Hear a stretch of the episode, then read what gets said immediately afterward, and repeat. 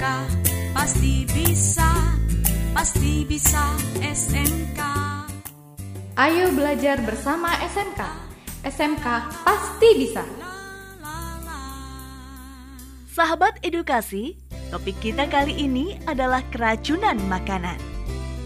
Pada segmen ini, kita akan membahas tentang pencegahan keracunan makanan.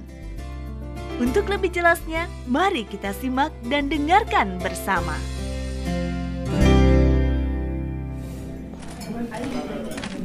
Dia, dia. Hai Roni, tumben nih datang pagi-pagi.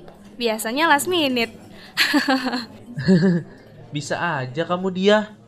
Aku sudah tidak sabar. Hari ini Chef Farah akan mengajari kita memasak masakan Italia. Ya, benar sekali. Hari ini akan terasa berbeda karena ada chef master yang akan membimbing langsung. Pasti seru. Yuk kita masuk ke dapur duluan. Selamat pagi Roni, dia. Selamat pagi, Chef Farah. Wah, sudah rapi persiapan memasaknya hari ini ya. Oh iya, sebelum kita belajar masakan Italia, Chef ingin mengajarkan kalian tentang keracunan makanan. Chef, mengapa kita harus mempelajari ini sih? Pertanyaan yang bagus sekali Roni. Nah, kita harus memahami cara pencegahan keracunan makanan karena hal ini sangat membahayakan jika tidak tertangani dengan baik. Benar, Chef. Saya pernah melihat orang keracunan makanan dan kondisinya sangat memprihatinkan. Selain itu, hal ini juga penting untuk diri kita sendiri. Kita akan lebih berhati-hati dalam menyimpan, mengolah, dan menyajikan makanan, sehingga tidak akan terjadi keracunan makanan. Ingat, mencegah lebih baik daripada mengobati.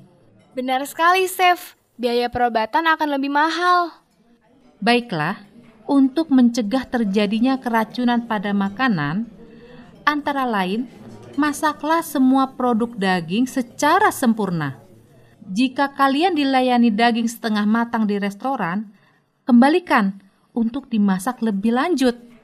Chef, aku masih ingat bagaimana cara menyimpan bahan makanan di dalam kulkas, yaitu satu, Jangan membiarkan bahan makanan hewani seperti daging, ikan, susu, telur pada suhu kamar dalam waktu lama.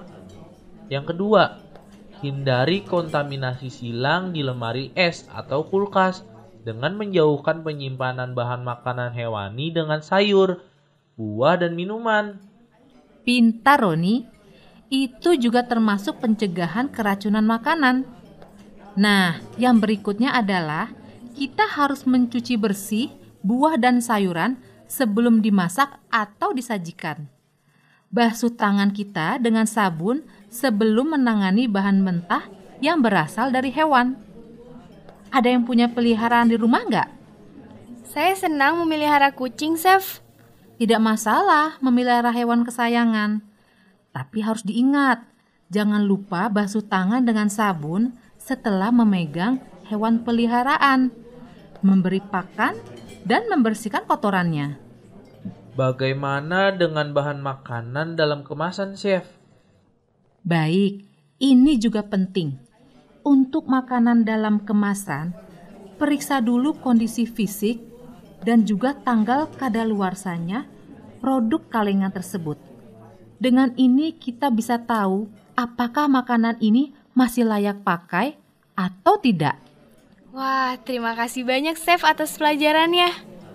Oh iya, hampir lupa.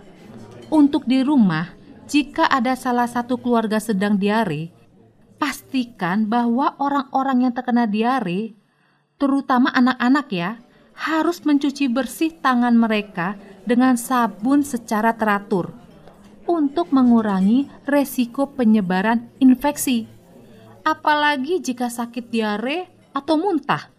Jangan menyiapkan makanan bagi orang lain, terutama bayi, orang tua, dan orang-orang dengan sistem kekebalan tubuh yang lemah, karena mereka lebih rentan terhadap infeksi. Baiklah, mulai sekarang kami akan menjaga kebersihan. Benar tuh, Chef.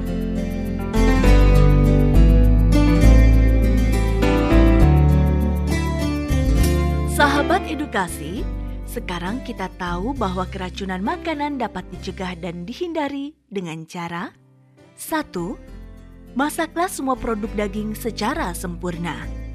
2. Periksa kondisi fisik dan tanggal kadaluarsa produk daging kalengan dan makanan bayi. 3. Cuci bersih buah dan sayuran sebelum dimasak atau disajikan. 4. Basuh tangan dengan sabun sebelum menangani bahan mentah yang berasal dari hewan. 5. Basuh tangan dengan sabun setelah memegang hewan peliharaan, memberi pakan, dan membersihkan kotorannya. 6. Jangan membiarkan bahan makanan hewani seperti daging, ikan, susu, dan telur pada suhu kamar dalam waktu lama. 7. Hindari kontaminasi silang di lemari es atau kulkas dengan menjauhkan penyimpanan bahan makanan hewani dengan sayur, buah, dan minuman. 8. Pastikan bahwa orang-orang yang terkena diare, terutama anak-anak, mencuci bersih tangan mereka dengan sabun secara teratur untuk mengurangi risiko penyebaran infeksi. Nah, sahabat edukasi, demikian tadi bahasan kita tentang pencegahan keracunan makanan. Jangan lupa ya, pepatah bijak mengatakan, prevention is better than cure.